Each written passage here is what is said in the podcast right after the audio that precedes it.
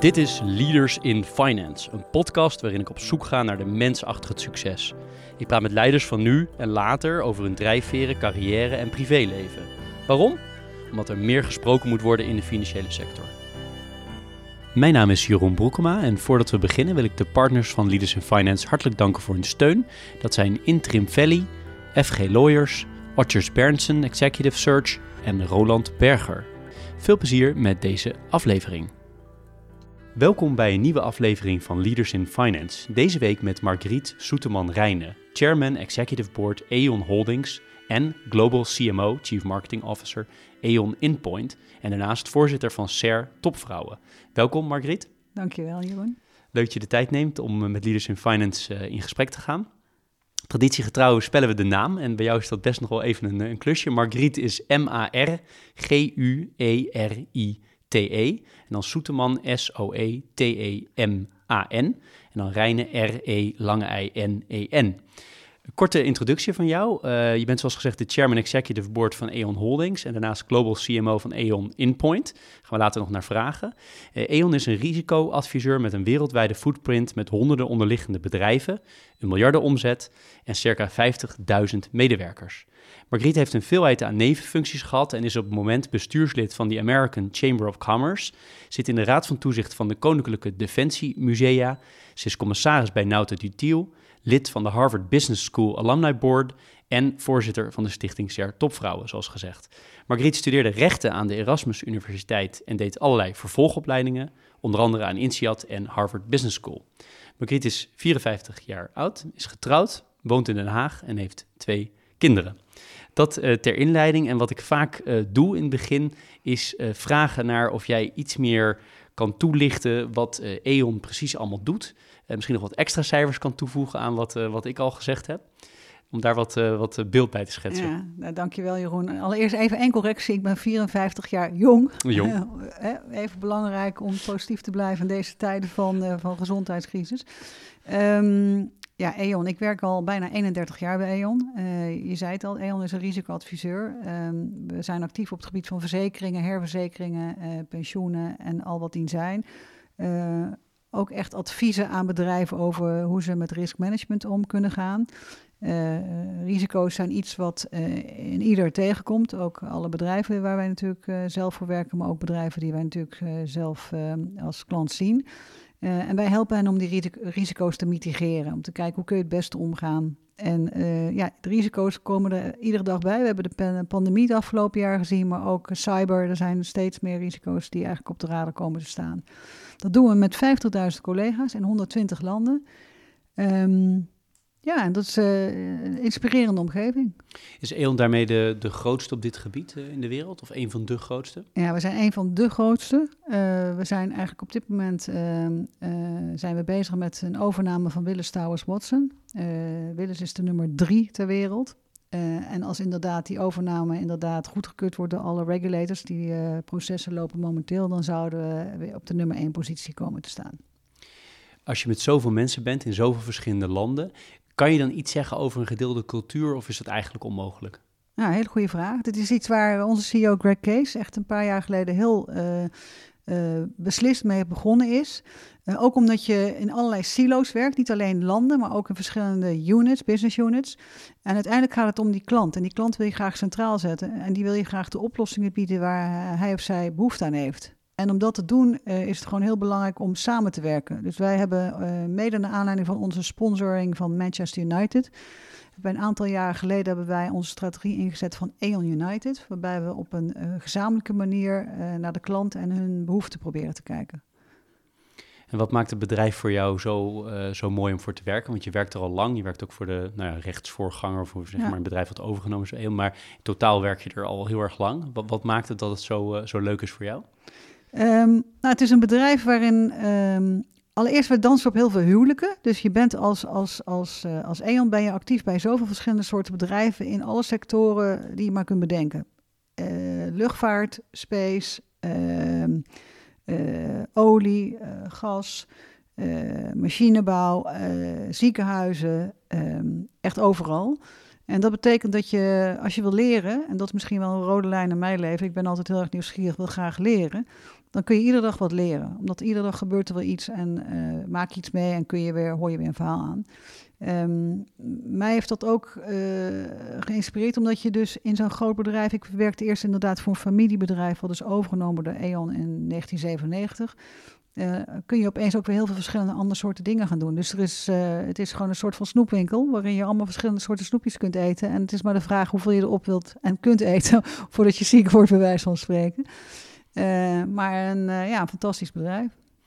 Ik heb veel over jou gelezen en geluisterd. Um, en het is toch best nog wel ingewikkeld om makkelijk uit te leggen wat je nou precies als functie hebt.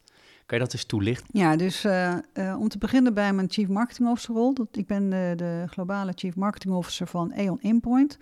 Inpoint is de Data Analytics Management Consultancy Unit. Wij zijn in 2008 begonnen met het verzamelen van data. We hebben natuurlijk als verzekeringsmakelaar hebben we heel veel data. Uh, en eigenlijk uh, avant la lettre zijn wij gaan kijken wat kunnen we met die data doen. Uh, initieel voor onze eigen doeleinden, van hoe kunnen we onze dienstverlening gewoon optimaliseren, hoe kunnen we onze oplossingen beter op de behoeften van de klant laten aansluiten. Uh, maar al gauw kwamen de verzekeraars bij ons langs. Ze zeiden: Jullie hebben data die wij zelf niet hebben. We willen graag onze, onze dienstverlening ook optimaliseren. Dus om de belangen van de klant nog beter te dienen, zijn we op een gegeven moment uh, consultieactiviteiten gaan ontwikkelen die uh, verzekeraars helpen. op basis van data om te kijken wat voor markten willen ze actief zijn, wat, wat voor producten, hoe kunnen ze hun producten optimaliseren. Um, hebben daardoor ook alle dataprocessen doorlopen met de Europese Commissie en uh, de FCA in de UK um, uh, en in de US. Um, en ja, zijn nu eigenlijk echt uh, met, de, met, de, met, de data, met de data die we hebben. We hebben meer dan 100 miljard premie doorloopt door onze boeken.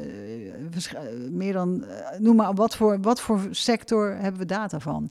En je, het blijkt dus dat die, die intelligence dat die ook steeds meer gewaardeerd wordt. Als je, uh, vroeger was er veel hearsay. Uh, tegenwoordig willen mensen op basis van feiten echt hun besluitvorming baseren. Um, en je ziet dus dat die management consultancy met data analytics echt van ongelooflijk groot belang is. Dus het, en de, aan de productkant, als het om data gaat, is het vooral consulting bij jullie klanten? Moet ik het dan zo zien? Ja, dus wij, de productenkant is daar echt dat wij uh, consultancy geven aan verzekeraars. Maar ook bijvoorbeeld uh, hebben we klanten gehad zoals Airbnb en Mastercard. Uh, eigenlijk iedereen die maar geïnteresseerd is in de insurance industry. Um, klanten gehad die wilden uitbreiden naar Australië. Hoe doe je dat dan? Met wat voor, uh, met wat voor producten? Uh, verzekeraars die uh, zitten te kijken van ja, hoe, hoe verhoudt een en ander zich nu in Europa? Uh, wat voor producten moet ik aanbieden? Uh, je ziet nu ook op cyber, heel specifiek op cyber, zie je eigenlijk dat de klanten, en dan heb ik het nu echt even over onszelf als klant, als bedrijfsleven, dat klanten uh, steeds maar aan het kijken zijn, wat moet ik nu voor een product hebben? Hoe moet ik mijn verzekeringsdekking precies afsluiten? Wat voor dekking heb ik eigenlijk nodig en waarom? En je ziet dat verzekeraars aan de andere kant natuurlijk geconfronteerd worden met steeds meer uh, schades op, uh, op cyber. Afgelopen jaar is ransomware waanzinnig omhoog gegaan. En zijn dus aan het kijken hoe moeten we daar onze dienstverlening op aan laten sluiten? Hoe moeten we onze producten daarop aan laten sluiten? Nou, dat soort uh, processen onderzoeken we allemaal. En waar ik nieuwsgierig naar was, jouw persoonlijke. Ik heb zelf ook veel met data-analysten ja. gewerkt en met echt van die hele zeer wiskundige mensen. In hoeverre verdiep jij je echt in details van de data analytics en hoe dat allemaal precies werkt? Um, ja, ik ben dus al vanaf het begin bij de unit betrokken. Want ik was voordat ik Chief Marketing Officer was, was ik ook echt uh, degene die het internationaal heeft echt opgezet en uitgezet. Um, samen met mijn collega's in de US.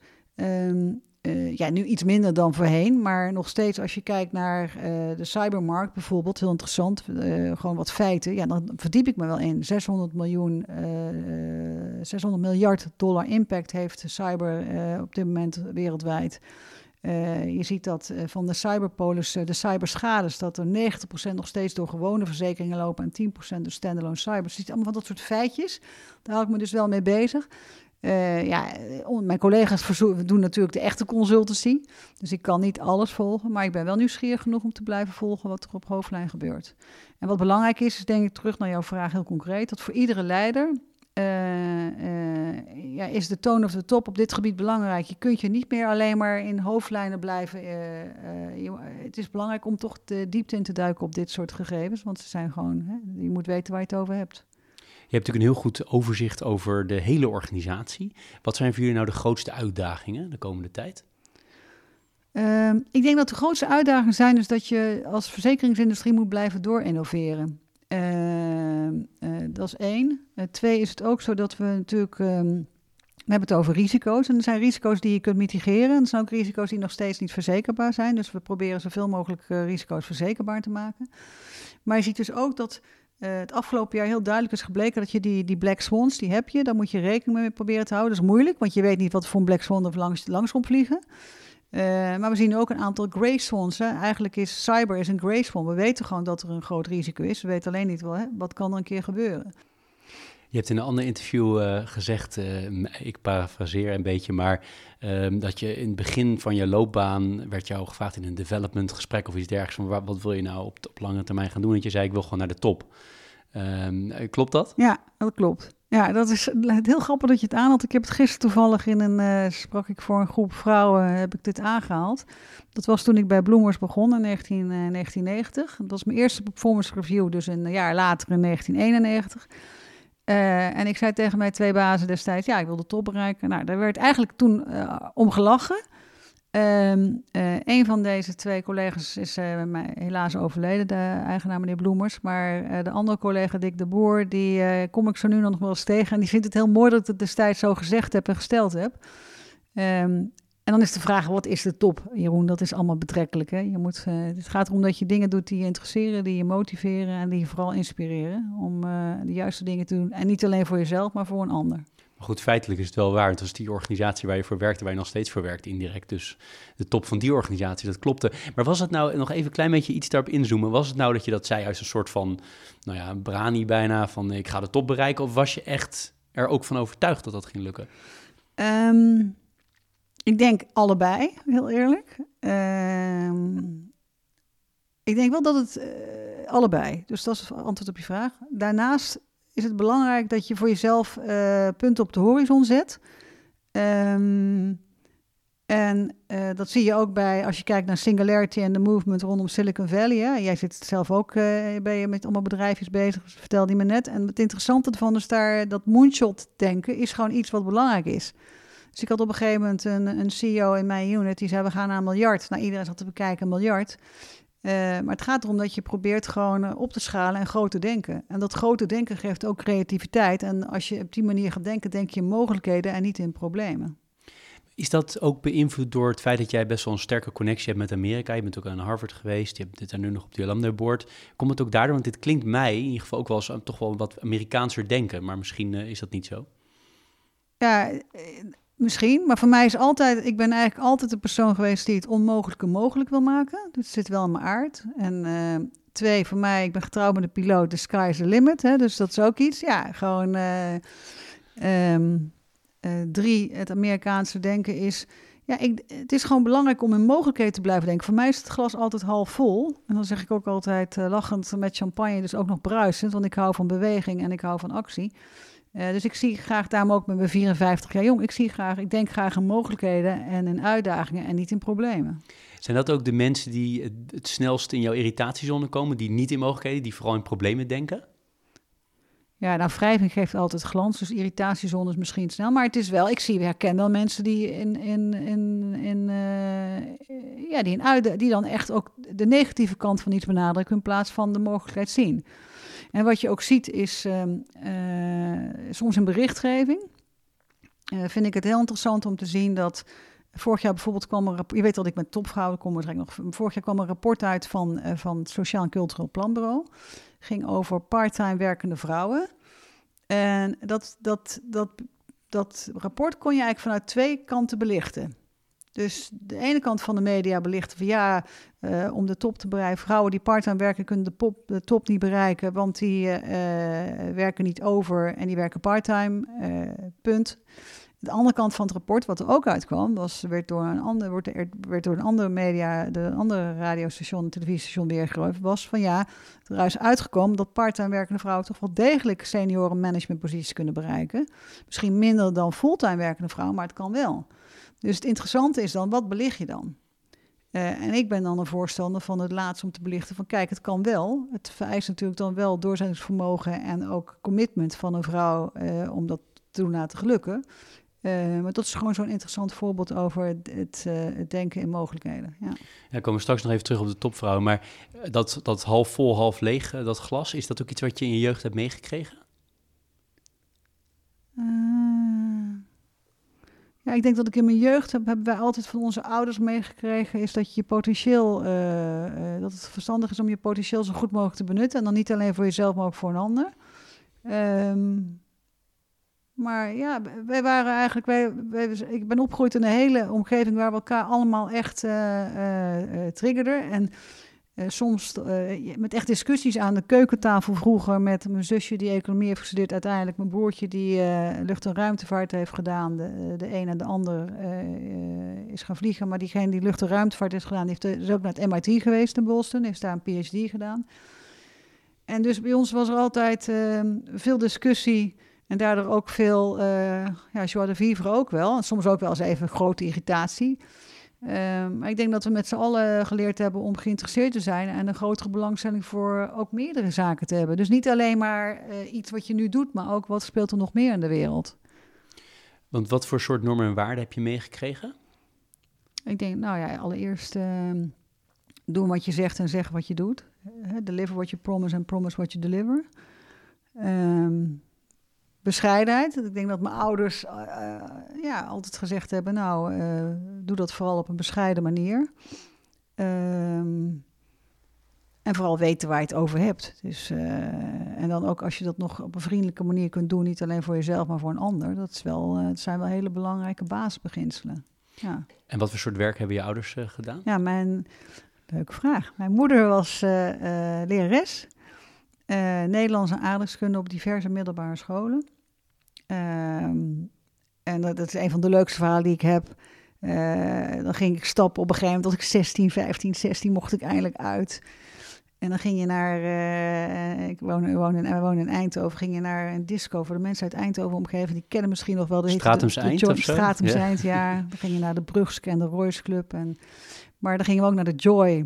En ik weet dat ik uh, eigenlijk het eerste keer echt uitging. En uh, toen ging mijn moeder me wegbrengen. Dus zo van die momenten die eigenlijk nooit meer vergeten. Ik denk, nee, het kan toch niet waar zijn. Mijn moeder, ja, ik ga je wegbrengen. Weet zeker waar je bent.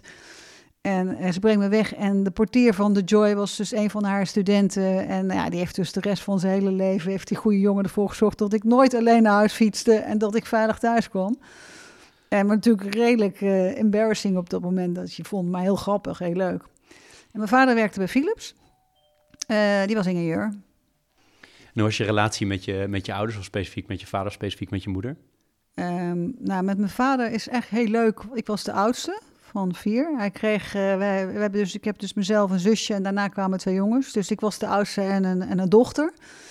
En uh, mijn vader was dus, werkte bij Philips ingenieur, heel technisch, maar knutselde aan van alles nog wat. Zeer geïnteresseerd in luchtvaart. Eigenlijk misschien ook wel mijn reden waarom ik met mijn man getrouwd ben, denk ik. Uh, hij nam me echt op jonge leeftijd mee naar Le Bourget. Dat is die luchtvaartshow in Parijs om de twee jaar. Um, en als hij ging, uh, geen, geen uh, hij, hij, deed alles zelf aan zijn auto en uh, lag dan onder de auto. En dan ja, op een gegeven moment zei hij, kom maar naast liggen. En dan lag ik met hem naast om de auto, moest ik het gereedschap aangeven. Dus eigenlijk een hele leuke relatie. Want uh, er werd geen onderscheid tussen man en vrouw gemaakt bij ons in het gezin. Iedereen kon op zijn manier bijdragen. Ja, maar mijn moeder die heeft, uh, uh, heeft ons altijd heel erg gestimuleerd eh, om, om te willen bereiken wat je wil bereiken. En ik denk dat ik met mijn moeder net zo'n relatie heb als met mijn eigen dochter nu. Ehm, open, transparant. en soms kan het wel eens even botsen. Maar dat is gewoon, die wrijving geeft prachtige glans. En heb je ook dingen uit je opvoeding waarvan je dacht van dat ga ik echt anders doen bij mijn kinderen in mijn opvoeding?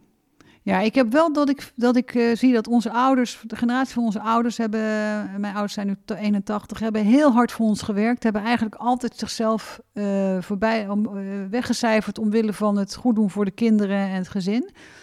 En dan zie je dat die generatie van onze ouders eigenlijk achterkomt dat als ze uiteindelijk de kinderen het huis uit zijn, uh, en ze het zelf goed hebben. Hè, ze dus ook niet meer de, de druk hebben het zorgen dat je kinderen het ergens goed terechtkomen. Dat hebben onze ouders trouwens perfect gedaan. We zijn ze zeer dankbaar en ze leven nog steeds. Dus Het interessante dan is dat je ziet dat ze eigenlijk zelf nu met gezondheidssituaties te maken hebben, die we nu meemaken door COVID, maar ook gewoon doordat ze uh, hun uitdagingen gezondheidstechnisch hebben.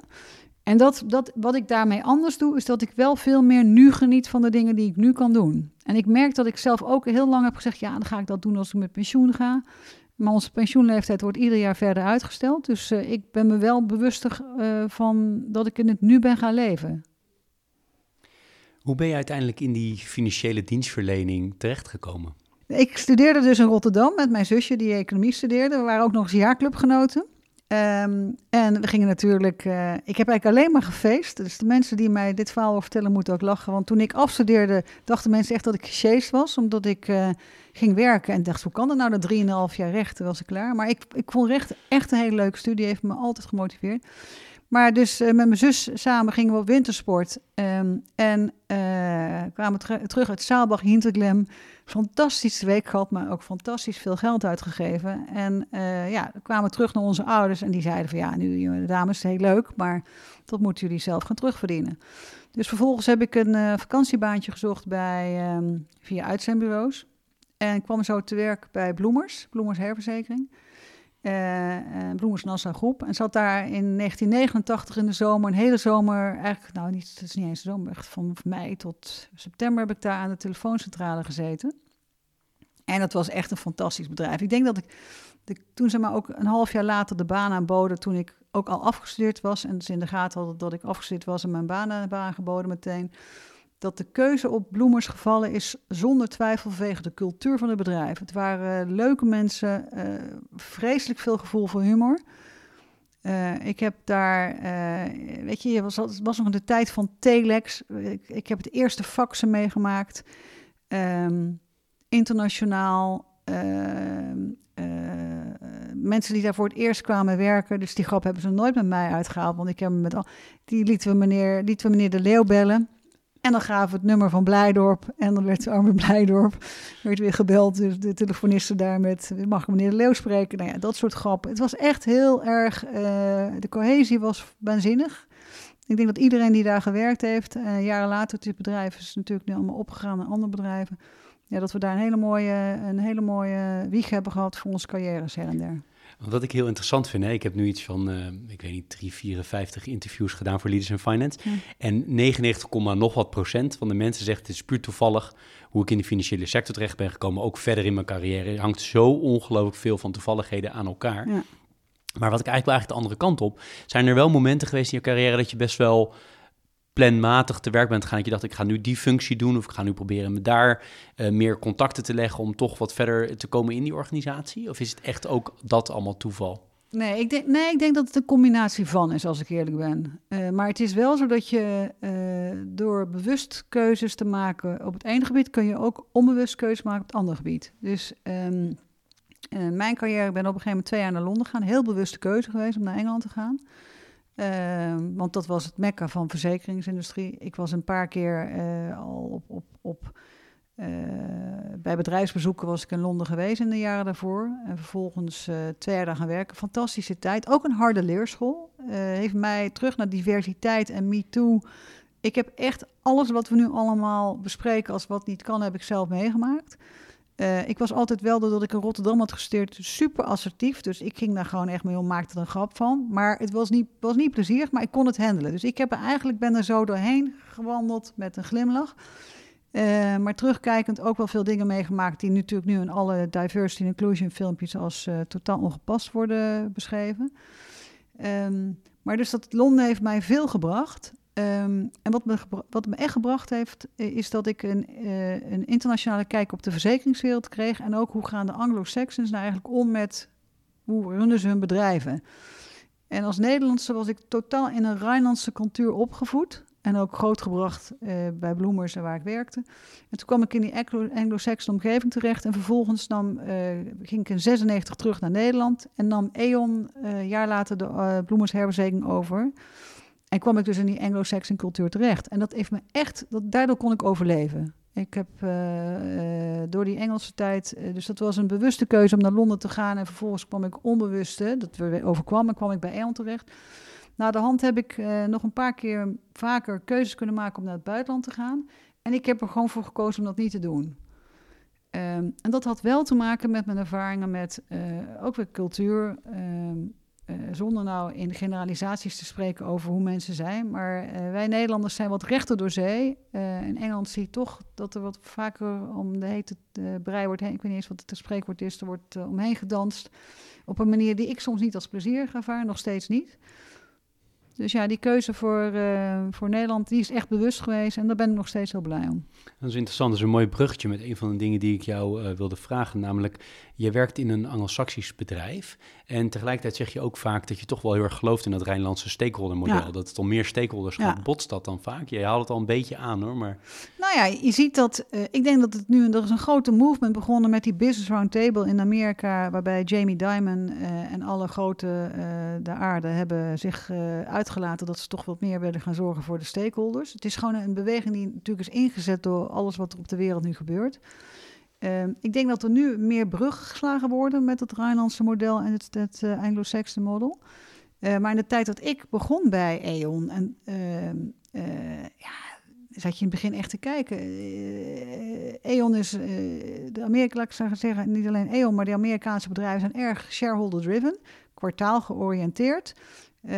Waren wat minder bezig met hoe het met de werknemers ging. Uh, ik denk dat de ook het afgelopen jaar zie je natuurlijk een grote keer, uh, ommekeer door COVID. Door de pandemie is nu human capital is echt top of mind van iedere leider, welk bedrijf dan ook. Dus die business roundtable was eigenlijk zijn tijd en dop zich voor wat er nu gebeurd is. Maar ja, duidelijk, ik, vond, ik heb wel hele duidelijke verschillen ervaren. Maar moet je het ook vaak uitleggen? Dat je, ga je daar ook de discussie dan aan over hoe dingen aangepakt worden? Je zit natuurlijk in, in de top van de organisatie. Hoe, hoe is dat, schuurt dat? Of? Ja, wat je ziet is dat een Amerikaanse... Dus terug naar waarom ik naar Harvard ben gegaan op een gegeven moment. Ik heb instelt gedaan. En uh, interessant vanuit Europees oogpunt kijken naar leiderschap. En op een gegeven moment uh, kwam ik steeds meer tegen dat, het, dat er een duidelijk verschil was tussen de bewijzen waarop Europeanen leiderschap uh, invulling geven en Amerikanen. Vond ik echt een verschil. En toen mij die gelegenheid gegeven is, ben ik ook heel bewust naar Harvard Business School gegaan, omdat ik dacht van waar komen zij nou vandaan? Wat is hun wat beweegt hen? Wat moveert hen? Uh, hoezo zijn die verschillen zoals ze zijn? En het interessante was toen dat van de klas die ik had, van 160 echt grote leiders der aarde, hè, dat is even interessant, en ik was een van de kleinere, dus uh, zaten echt, er zat de CEO van Embraer, zat de nummer 2 van Mastercard. Maar van de 25% Amerikanen die we hadden, was inderdaad 90% van die 50% Amerikanen, was nog nooit in het buitenland geweest. En in Amerika heb je natuurlijk heel erg de survival of the fittest. Dat is één. En twee, hadden sommige mensen ook niet altijd door wat de positie van Amerika was op het internationale geopolitieke, geopolitieke speelbord. Dus uh, wat mij eigenlijk is opgevallen al die jaren afgelopen jaar, ik denk dat we dat terug naar de round, Business Roundtable, die heeft toch wel echt een, eh, een, een, een teken afgegeven aan iedereen en alles van hey, we moeten eventjes wat meer gaan rekening houden met wat er op de wereld gebeurt, met de aarde. En ik denk dat als je me vraagt wat heeft daar nu echt een rol in gespeeld, is gewoon informatievoorziening, meer feiten, meer data en meer delen van informatie door social media kanalen, et cetera. Ja, en waarschijnlijk ook wel dat gewoon het, wat jij zelf het geopolitieke speel, uh, speelbord geloof ik ja. noemde. Het is natuurlijk ook wel echt wel aan het veranderen. Amerika is natuurlijk niet meer zo de, de hegemon die het vroeger was. Ik bedoel, het is gewoon duidelijk, ook voor de meeste Amerikanen duidelijk dat natuurlijk nu andere partijen, met name China natuurlijk, ja. in, in, opkomst zijn. Dus er moet wel ook meer gekeken worden naar, uh, naar buiten, denk ik. Ja. Um, over jouw carrière. W waarom denk je dat je zo snel carrière bent gaan maken en steeds weer de stappen omhoog, tussen aanhalingstekens, in de hiërarchie bent gaan zetten? Hoe komt dat? Nou, ik denk dat dat heeft te maken met je, met je aard. Ik ben misschien wel rupsje nooit genoeg, dus ik wil graag leren. Um, en ik ben ook iemand die heel erg van verandering houdt. Dus op een gegeven moment, na drie jaar, had ik zoiets, oké, nu weer het volgende. Um, ik, ben een, ik ben iemand die graag verandering inleidt, dus initiatief neemt. En ik ben iemand die minder gelukkig zou zijn met consolidatie. Dus ik werd bij E.ON ook vaak gevraagd voor jobs die weer iets nieuws moesten neerzetten. Uh, ik denk mijn grootste... Uh, uitdaging was. In 2008 werd ik gevraagd om uh, Broking Excellence te gaan leiden in Europa, Midden-Oosten, Afrika. Um, nou, toen heb ik dat, oké, dat, dat is goed, leuk. En vervolgens had ik meteen een visie van wat ik, wat ik wilde bereiken. Er waren op dat moment nog geen Chief Broking Officers. Een Chief Broking Officer is dus de CBO. Hij, zij is verantwoordelijk voor alle collega's binnen E.ON die dus verzekeringen plaatsen bij verzekeraars. Dus eigenlijk een hele belangrijke speelfunctie. We hadden wel CEO's, we hadden CIO's, we hadden Chief Financial Officers, maar niet de personen die dus het belangrijkste job deden, namelijk het makelen van verzekeren en het plaats van verzekeren, die waren niet georganiseerd. toen heb ik gezegd tegen, uh, destijds was dat Steve McGill, ik wil dit doen. Ik wil dit opzetten. Nou, hij zat te kijken van, nou, oké, ja. Ik denk niet dat hij me ooit geloofd heeft dat het me zou lukken als, als vrouw en uh, als jong. Maar de reden waarom het gelukt is, is puur omdat we zijn begonnen met het delen van informatie. Dus op het moment dat jij over de grenzen heen informatie deelt met mensen, waardoor ze hun job zelf nog beter kunnen uitvoeren uh, en meer weten en meer mogelijkheden tot hun, uh, hun dienstenpalet hebben, dan lukt dat. En dat is gelukt. En dat is wel een hele mooie, dat denk ik, verdienste van die Chief Broking Officer organisatie in E.ON, die nu wereldwijd uh, is uitgerold. En in alle landen hebben we, ook voor alle divisies, hebben we Chief Broking Officers. Ja, is natuurlijk fantastisch. Zijn er bepaalde mensen geweest met of zonder naam waarvan jij zegt, die hebben echt heel veel impact gehad op mijn, uh, op mijn leven? Dan wel zakelijk, dan wel privé? Ik denk dat uh, uh, Dick Bloemers, de eigenaar van het bedrijf waar ik begonnen ben, een waanzinnig grote invloed heeft gehad als je nu terugkijkt met het feit dat hij me gevraagd heeft om in Londen te komen werken. leuk aspect daarvan was dat het bedrijf in Londen heette Bloemers Partners. Ik werkte op Lloyds. ik weet niet of je ooit op Lloyds bent geweest. Nou, Lloyds is dus de verzekeringsmarkt. daar zitten allemaal mensen aan tafels en dan ga je dan langs met je, met je, met je mapje met risico's om een verzekering te plaatsen. Um, daar moest je ook examens voor doen, heb ik allemaal gehaald, was heel leuk. Um, maar toen kwam het, dan werd je, als je dan iemand je nodig had, werd je door de, de speaker op Lloyds, werd je gepaged, zoals ze dat noemden. En dan was het Marguerite Rijn en dan Bloemers en Partners. En Bloemers en Partners betekent dus in het Engels uh, onderbroek en partners. Dus dat was voor die mannen daar heel grappig, want dan was het Bloemers en Partners. Nou, op een gegeven moment wisten ze wel wie ik was, maar ja, het heeft mij uh, gebracht uh, intellectueel. Ik heb daardoor, ben daardoor extra opleidingen gaan doen, die ook naar de hand maar altijd van toepassing zijn geweest bij Chartered Insurance Institute. Het heeft mij gebracht dat mijn internationale horizon verbreed is. Het heeft mij ook geleerd mezelf te challengen. Het was niet altijd even makkelijk. Um, en dat heeft uiteindelijk, denk ik, voor mij een karaktervorming. de rest van mijn carrière superveel ehm, uh, positiviteit gebracht. En ook het leren omgaan met negatieve beslissingen of met negativiteit. Um, ik was in Londen, zat je als, als buitenlander, als expert, was je daar. Uh, wat ook een mooi, uh, mooi verhaal is. Ik zat daar alleen, hè, dus mijn, ik was toen, had mijn man toen al als, als, als, als vriendje, maar die woonde in Nederland. drie van zijn vriendjes zaten in Londen. Um, ja, en dan ging ik dan wel eens wat mee drinken. Dat was natuurlijk heel leuk en aardig, maar die ging natuurlijk helemaal los. Uh, ik heb een aantal, uh, een paar keer thuis gebracht in een taxi, helemaal lam, dat ze dronken hadden. Dan zat ik als een soort van nanny, was ik gewoon Marguerite Nanny in Londen met die mannen bezig, die natuurlijk de tijd van hun leven hadden. En ik zat hard te werken en mijn man en mijn vriend zat in Nederland. Dus weet je, het heeft allemaal dingen gebracht die op dat moment uh, jezelf inzicht geven in jezelf. En dat is misschien wel het leukste voor ieder, wat je ook doet als je de, deze mogelijkheden krijgt. Uh, het geeft je vooral veel inzicht in jezelf. En dat is altijd iets waarbij naar de hand, uh, ja, heb je, ik denk dat het belangrijkste is wat je in je leven moet doen, is jezelf leren kennen. Uh, en in jezelf leren geloven. En dat heb ik in die tijd ook leren doen. En je hebt waarschijnlijk ook heel hard gewerkt. Hè? Je bent ook vol erin gegaan. Hoe, wat is de motivatie voor jou om hard te werken en om, om te kijken of je weer een nieuwe positie kan krijgen en om veel verschillende dingen te doen? Wat motiveert je? Nou, het, het heeft me daar heeft heel veel geleerd met vallen en opstaan. Ik weet nog, het is ook een leuk aspect. Daar kwam ik met een risico aan. De tijd 94, 35 zat ik daar. En was er in Engeland, um, was de verzekeringsmarkt in Engeland eigenlijk ingestort. Want de Lloyds zat in de problemen. Dus er was een fonds opgericht, Equitas, om Lloyds te helpen. Uh, dus alleen de risico's die echt niet te plaatsen waren in de rest van de wereld, dus in Nederland, die kwamen dan uh, naar Engeland. Uh, zo ook destijds een meubelfabriek, totaal onplaatsbaar zonder sprinklers. Nou, dit is eigenlijk mijn grootste, dit is wel mijn grootste les in verzekeringsland geweest over eerlijkheid en integriteit. Want ik ging naar Lloyds met mijn mapje en dan ga je vertellen aan de, aan, de, aan de verzekeraar, ja, ik heb een risico, er is een fabriek in Nederland, een meubel, assemblagefabriek. Hij heeft geen sprinklers. Nou, zegt die, die verzekeraar, uh, ja, Marguerite, die was dus was een aardige man deze. Zegt hij, eh, stop, we gaan even stoppen. Je gaat het nog een keer direct doen, maar je, je moet mij niet vertellen dat het geen sprinklers heeft. Ik, hoezo moet ik dat niet vertellen? Dat het bedrijf heeft geen sprinklers. Ja, zegt hij, maar dat moet ik vragen. Dus wat ik geleerd heb, en de reden waarom ik dit nu vertel, is dat ik was gewend om heel meteen te vertellen: dit is het risico, bam, bam, bam. Maar uh, hij zei van ja, maar als, je, als ik weet dat het geen sprinklers heeft, gaat de prijs omhoog. Ja, maar dat is toch prima? Ik zeg, weet je wel, het is heel interessant geweest om die interactie van mensen en hoe die markt destijds werkte, uh, om, dat, om dat, die ervaring op te doen. En het feit dat die goede man mij ging uitleggen dat ik niet moest zeggen dat, hij dat moest vragen, was al interessant. We zien natuurlijk nu dat die verzekeringsmarkt totaal geprofessionaliseerd is. Al dat soort zaken worden nu allemaal in alle vragenlijsten uitge, uitgedokterd.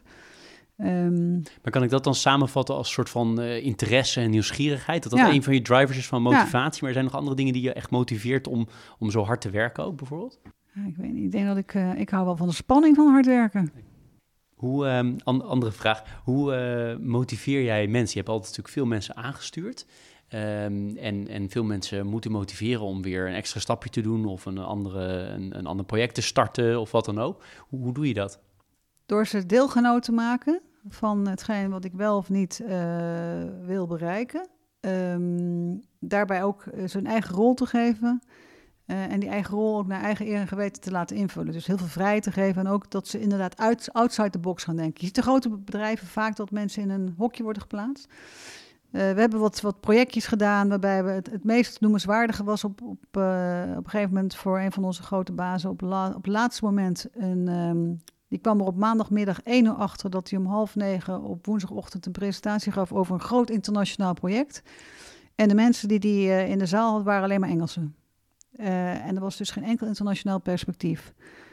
En toen heb ik gezegd, nou, ik zet wel een video voor me elkaar met interviews, met reacties vanuit uh, Amerika, Latijns-Amerika, Azië, Australië. En ja, dat lukt je niet. Nou, dat lukt me wel. Dat zijn van die momenten waarop ik echt ga glunderen. Dat vind ik heerlijk. Dus als je tegen mij zegt dat kan niet, dan zeg ik meteen het kan wel. En wat we gedaan hebben met het team, en dat was wat je vraag, hoe doe je dat met je team? Nou, iedereen was deelgenoot. En we hadden eigenlijk iedereen gebeld, gefilmd, alles geregeld uh, lokaal. Dat waren echt de CEO's en chairmans van de regio's. Dus dat was het bijzonder. Die waren ook allemaal bereid om last minute mee te helpen. Uh, maar toen kwam het laatste moment en dat was dat we alles gerenderd hadden. En toen moest natuurlijk dat filmpje bij mijn grote baas op zijn computer komen te staan. En dat was voor half. En toen heb ik op dinsdagavond laat uh, heb ik een collega gebeld, uh, uit zijn bed gebeld. Ik zeg, jij kunt dit. Ik weet dat jij dit als enige kan. Kun jij morgen vroeg om vier uur, wordt het, is het klaar met renderen? Dan moeten we het bij jou op jouw computer, moet het uh, op je USB-stick. En dan jij naar kantoor en dan bij die grote baas om zes uur s ochtends dat filmpje. En dat is allemaal gelukt. En het leuke ervan is, wie haalt het in zijn hoofd, Jeroen, om om elf uur s'avonds een collega uit zijn bed te bellen, die dan om vier uur s ochtends, vijf uur later dat moet doen. Um, en de enige reden waarom dat werkt, is omdat iedereen van dat team kreeg gewoon de credit. Dus uh, leuk van Marguerite heeft het geregeld. Nee, die mensen van het team. Dus al die mensen hebben ook een persoonlijk bedankmail van uh, mijn grote baas gehad om hun dank te zeggen. En dat is hoe je mensen motiveert. Dus het deelgenoot te maken van het succes. En niet alleen maar te zeggen, ik heb het gedaan, nee, wij hebben het gedaan. Nou, dat is mooi. En als er dan momenten zijn waarop we toch vervelende dingen moeten doen. Je hebt ongetwijfeld ook best wel wat mensen moeten ontslaan. Tenminste, ik kan het mis ja. hebben, maar ik denk, neem aan dat het bijna onmogelijk is dat het niet gebeurd is. Hoe, ga je daar dan mee om? Want dat is eigenlijk toch altijd een negatieve boodschap. Nou ja, vooral eerlijk blijven, dicht bij jezelf blijven. Uh, en uh, ook in de wetenschap dat uh, een aantal mensen van wie we afscheid hebben moeten nemen, dat we die eigenlijk een plezier deden, dat ze zelf misschien die beslissing niet durfden te nemen. En die hebben uiteindelijk, uh, we zien dat een, gelukkig dat die mensen zichzelf uh, misschien wel bevrijd gevoeld hebben. Um, en ervoor te zorgen dat ze op de juiste wijze inderdaad de nazorg krijgen die nodig is met outplacement en dergelijke. Je hebt er best wel vaak gezegd, uh, um, playing to win en playing not to lose. Ja. Wat, wat bedoel je daar nou precies mee? Um, nou, playing to win is een mindset dat je dus proactief kijkt naar mogelijkheden. En playing not to lose is een mindset dat je dus reactief bent. En je wil eigenlijk behouden wat je hebt, maar doet het op een manier die niet gelooft in mogelijkheden of innovatie. Uh, en als je uh, geen playing to win mentaliteit hebt, denk dat je in de wereld waarin we nu leven, dat je dus uh, dat je, dat je gewoon dat je niet overleeft. Dus we zien heel veel dat mensen denken nog steeds misschien van dat succes uit het verleden, die zijn gewoon geen garantie voor de toekomst. Dat is wat er momenteel erg gaande is. Je ziet ook een, een wisseling van leiderschap daarom omdat omgaan met uh, een neergaande groeispiraal, neergaande spiraal, dat is een andere situatie dan alleen maar uh, kunnen groeien. Je ziet dat ook als je kijkt naar Robert Zwaak en Dolf van de, van de Brink, Heineken en ABN AMRO, presenteerden hun cijfers. Die krijgen allebei echt wel moeilijke, hebben moeilijke, moeilijke, moeilijke klussen te klaren. en dus het is ook misschien wel goed dat het leiderschap net het afgelopen jaar bij deze bedrijven, dat het inderdaad zich ook gewijzigd heeft. Als je naar je eigen loopbaan kijkt, waar ben je nou uiteindelijk het meest trots op? Nou, ik ben alles, uh, sowieso altijd het meest trots op mijn kinderen, maar dat is dus niet in mijn loopbaan. Um, waar ben ik het meest trots op? Ik denk dat ik het meest trots ben op de mensen die ik uh, succesvol heb laten worden. Er zijn een paar collega's die, uh, die echt uh, het nog beter doen dan ik het al doe. En dat is echt heel leuk. Of er zijn collega's die nu echt in het begin van hun carrière staan, die uit zijn, naar het Midden-Oosten. en het plezier wat je hebt om andere mensen, ja, dat, is, dat heeft mij ook heel veel. Dat geeft me echt heel veel genoegdoening. Dat is gewoon leuk. Dat is, ja. Mooi. En wat ik ook heel interessant vond, is wat ik las over je, is dat je een aantal keer hebt gezegd van te veel mensen uh, leven vanuit angst. Hè? En daar kan me best wel iets bij voorstellen. Um, maar hoe, hoe, stel je, je, je vindt zelf dat je iets te veel, eh, niet jij of ik, maar iemand vindt dat hij zelf te veel uit de angst leeft. Wat, kan je daar, wat zou je daaraan kunnen doen? Heb je daar tips voor? Want ik denk dat best wel veel mensen dat herkennen namelijk. Dat ze minder uit angst zouden willen leven. Ja, dat is een hele mooie vraag. Het is, het is, um, Sint Augustinus heeft gezegd, hoop heeft twee dochters, angst en moed. En angst is iets wat ons door onze omgeving en onze samenleving meer en meer wordt opgelegd.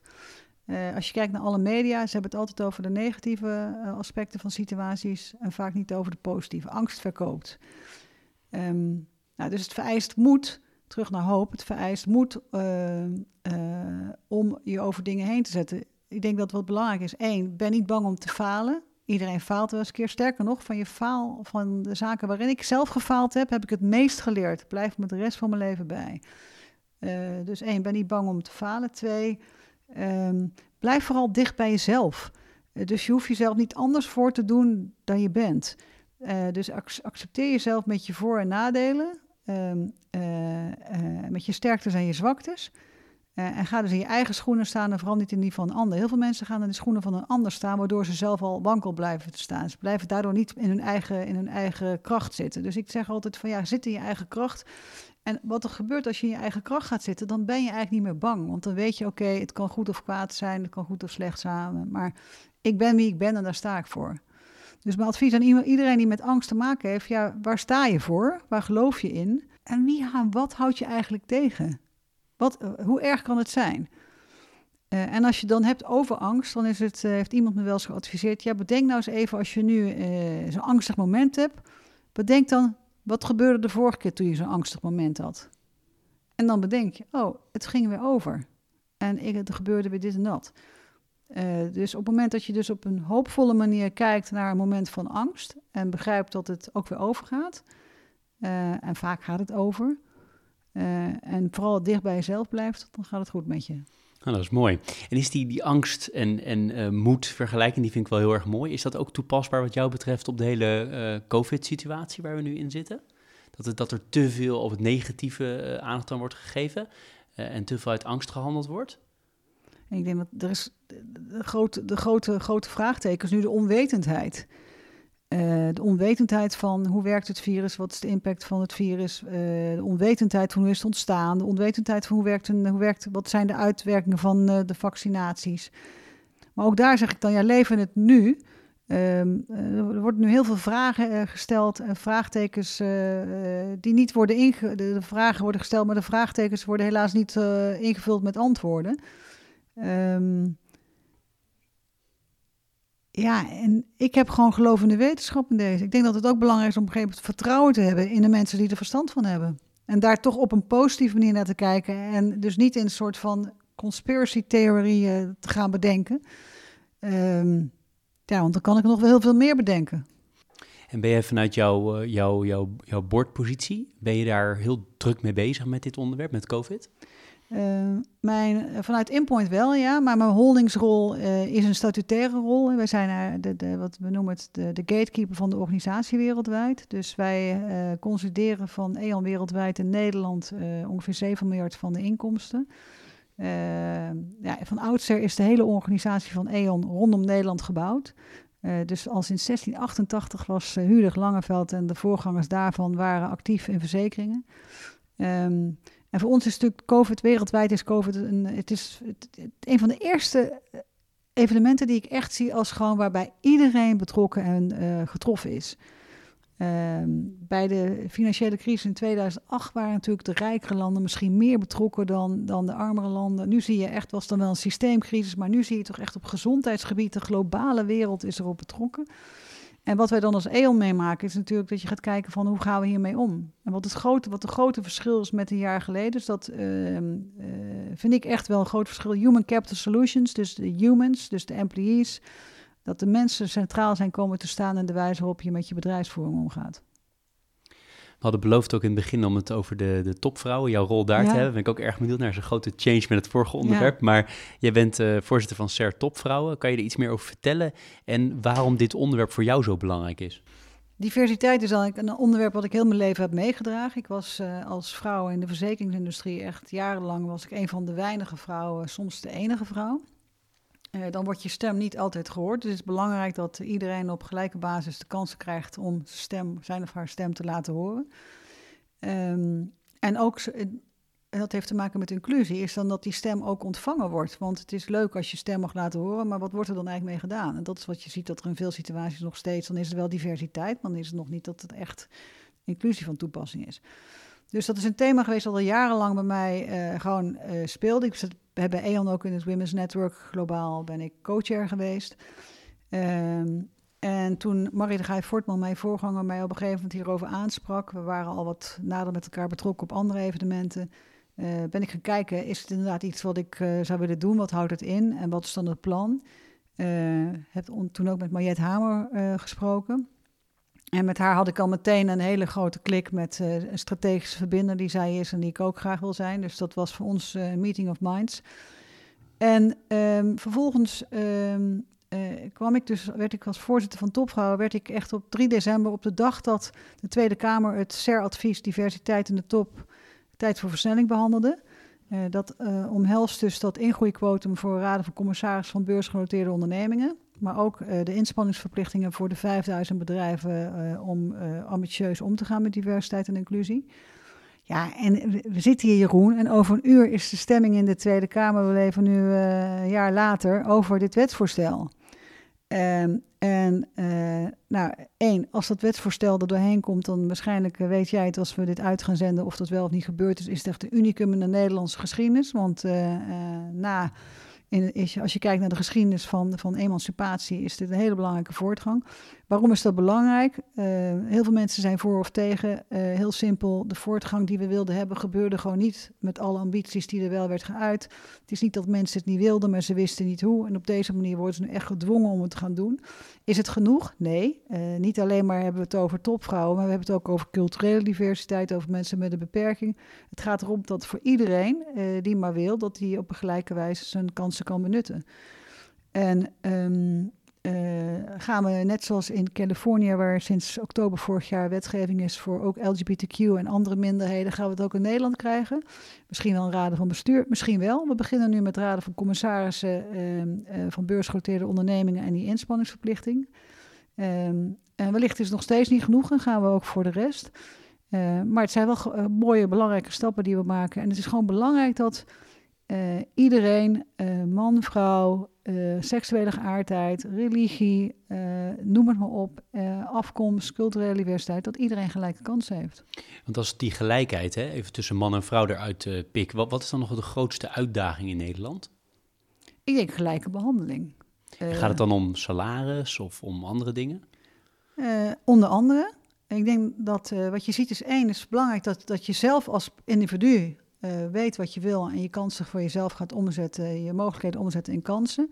Maar je ziet ook dat het ecosysteem eromheen, uh, of het nou kinderopvang is, als jij 20% van je gezinsinkomen aan kinderopvang besteedt, is dat gewoon heel veel geld. Dus dat zijn allemaal zaken die in andere landen om ons heen beter geregeld zijn. Dus één, het is voor de persoon om lef te hebben en moed te hebben en kansen te benutten.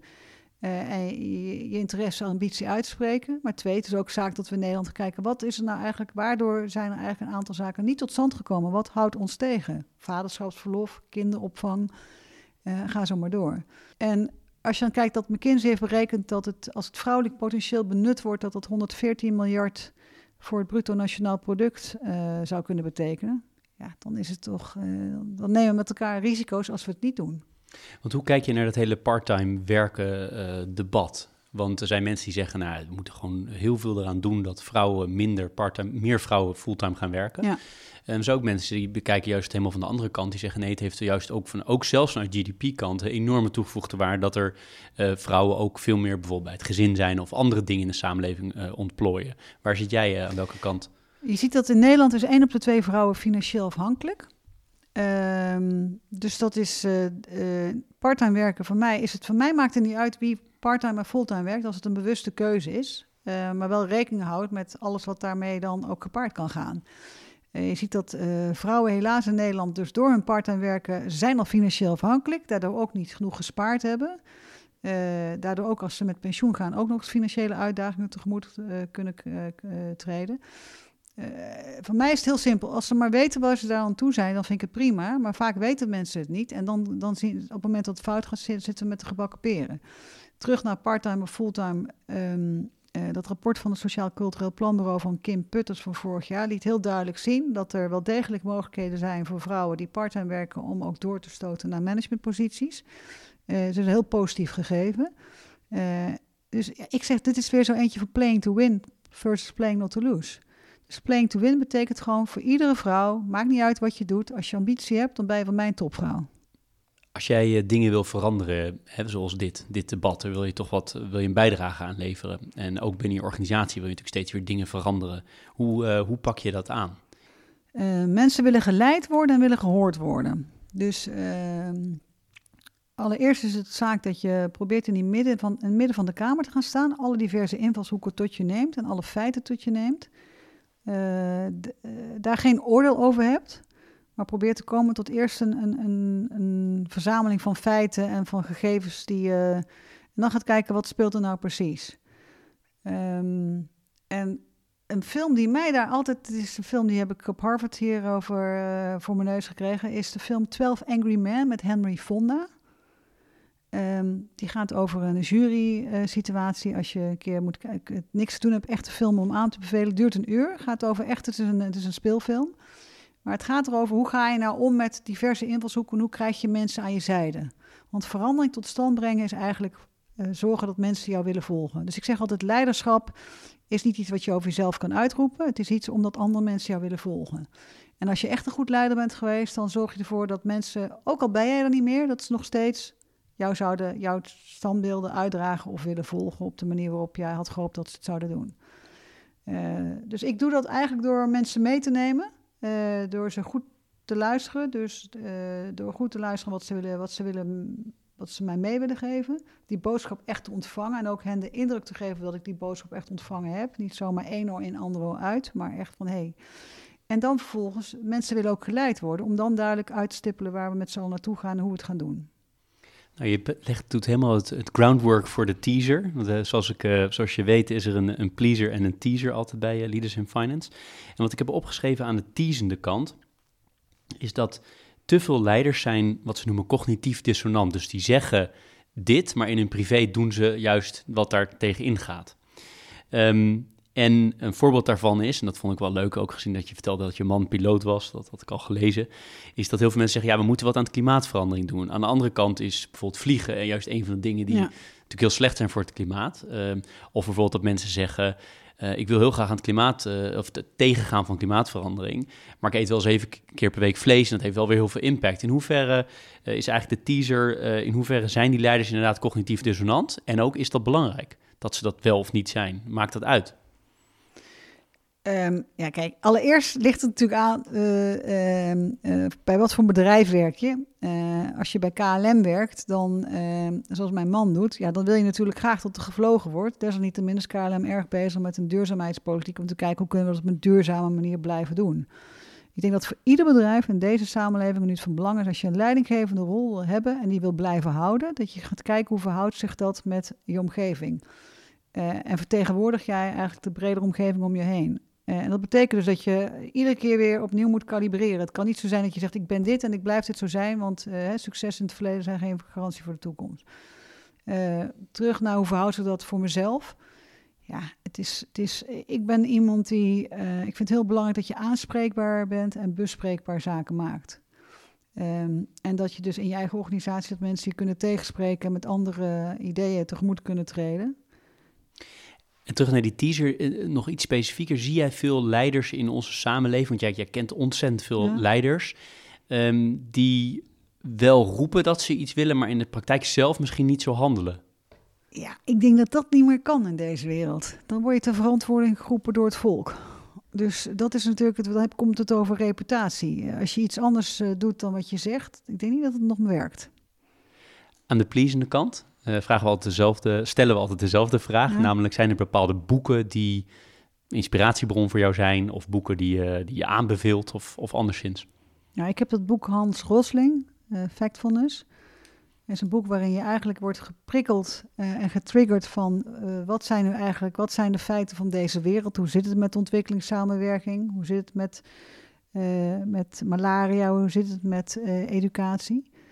Um, en wat ik daar zo interessant aan vind, is dat ook wij nog steeds hier in Nederland hebben een bepaalde visie over bepaalde landen door, pers, door gewoon bias. Wat ik echt unconscious bias hebben we ons hele leven meegekregen. Um, en het is gewoon heel belangrijk dat je je blijft realiseren dat iets wat misschien in het verleden was, nu niet meer hoeft te zijn. En waarom is eigenlijk überhaupt, waarom doe je nu wat je doet? Die vraag waarom. Uh, en als je dan voor jezelf, uh, dan geef je antwoord. Het is interessant als je nu voor jezelf een vraag bedenkt en dan vraag je jezelf waarom. En dan vraag je nog eens vier keer door op het antwoord waarom.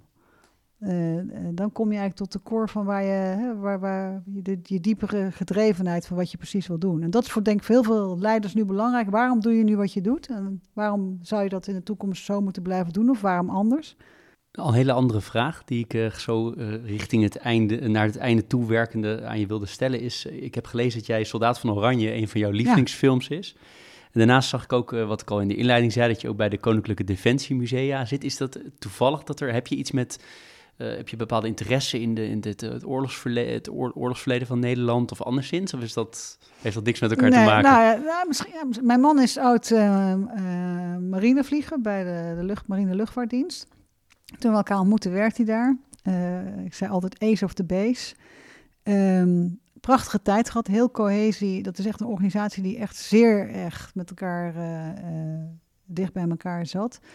Um, Soldaat van Oranje was de film. Hij heeft ook nog in Delft gestudeerd en gewoond. Was de film die toen we elkaar ontmoetten. Toen woonde hij nog in Delft. Uh, werd altijd gedraaid door het huis. Was de huisfilm. Is natuurlijk opgenomen op de Delftse Sociëteit Phoenix. Alsof het Leiden was. Dus in ons studentenleven was het altijd de grap van die Leienaar. Hè? En ik studeerde in Rotterdam. Dus ik kan daar als onafhankelijke derde tussen. Maar ja, prachtige, prachtige scènes. En een heel mooi stukje filmwerk van Paul Verhoeven en Gerard Soeterman, die geen familie van me is, maar waar ik wel trots op ben als Nederlandse filmmaker. Maar geen verder, ook met je rol bij de Koninklijke Defensie Museum, verder geen specifieke. Nee, het is toevallig zo gekomen. Ik vind wel, ik vind wel, ik ben heel geïntrigeerd, want defensie is natuurlijk, het, het is iets wat. Um, waar we soms heel makkelijk over praten, maar het is wel een, een borging voor de, voor de veiligheid en de vrede die we al 75 jaar in Nederland hebben.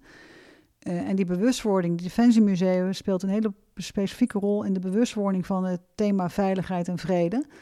Um, uh, waarbij nieuwe generaties nu zijn toch minder bewust van, uh, ja, van de dreigingen die oorlog met zich mee doet gaan. Hè? Dus het is belangrijk om mensen te blijven doordringen van het belang van, van partnerships, van transatlantische verbindingen, noem alles maar op.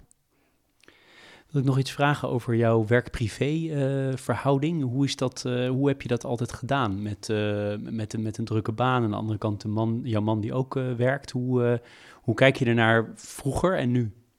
Ik heb het gewoon heel goed thuis geregeld. Dus dat is wel zo. Je kunt niet topsportbedrijven als je in het bedrijfsleven, als je niet zorgt dat je dan inderdaad dat je dat de basis dat, die, uh, dat, dat daar gaten zouden vallen. Hoe bedoel je dat? Goed geregeld? Uh... Nou, we hadden dus, we hebben uh, goed met elkaar besproken hoe doen we dat dan.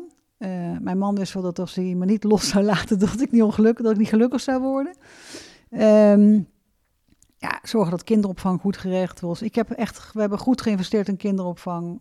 we hadden naast een crash hadden we ook een au pair.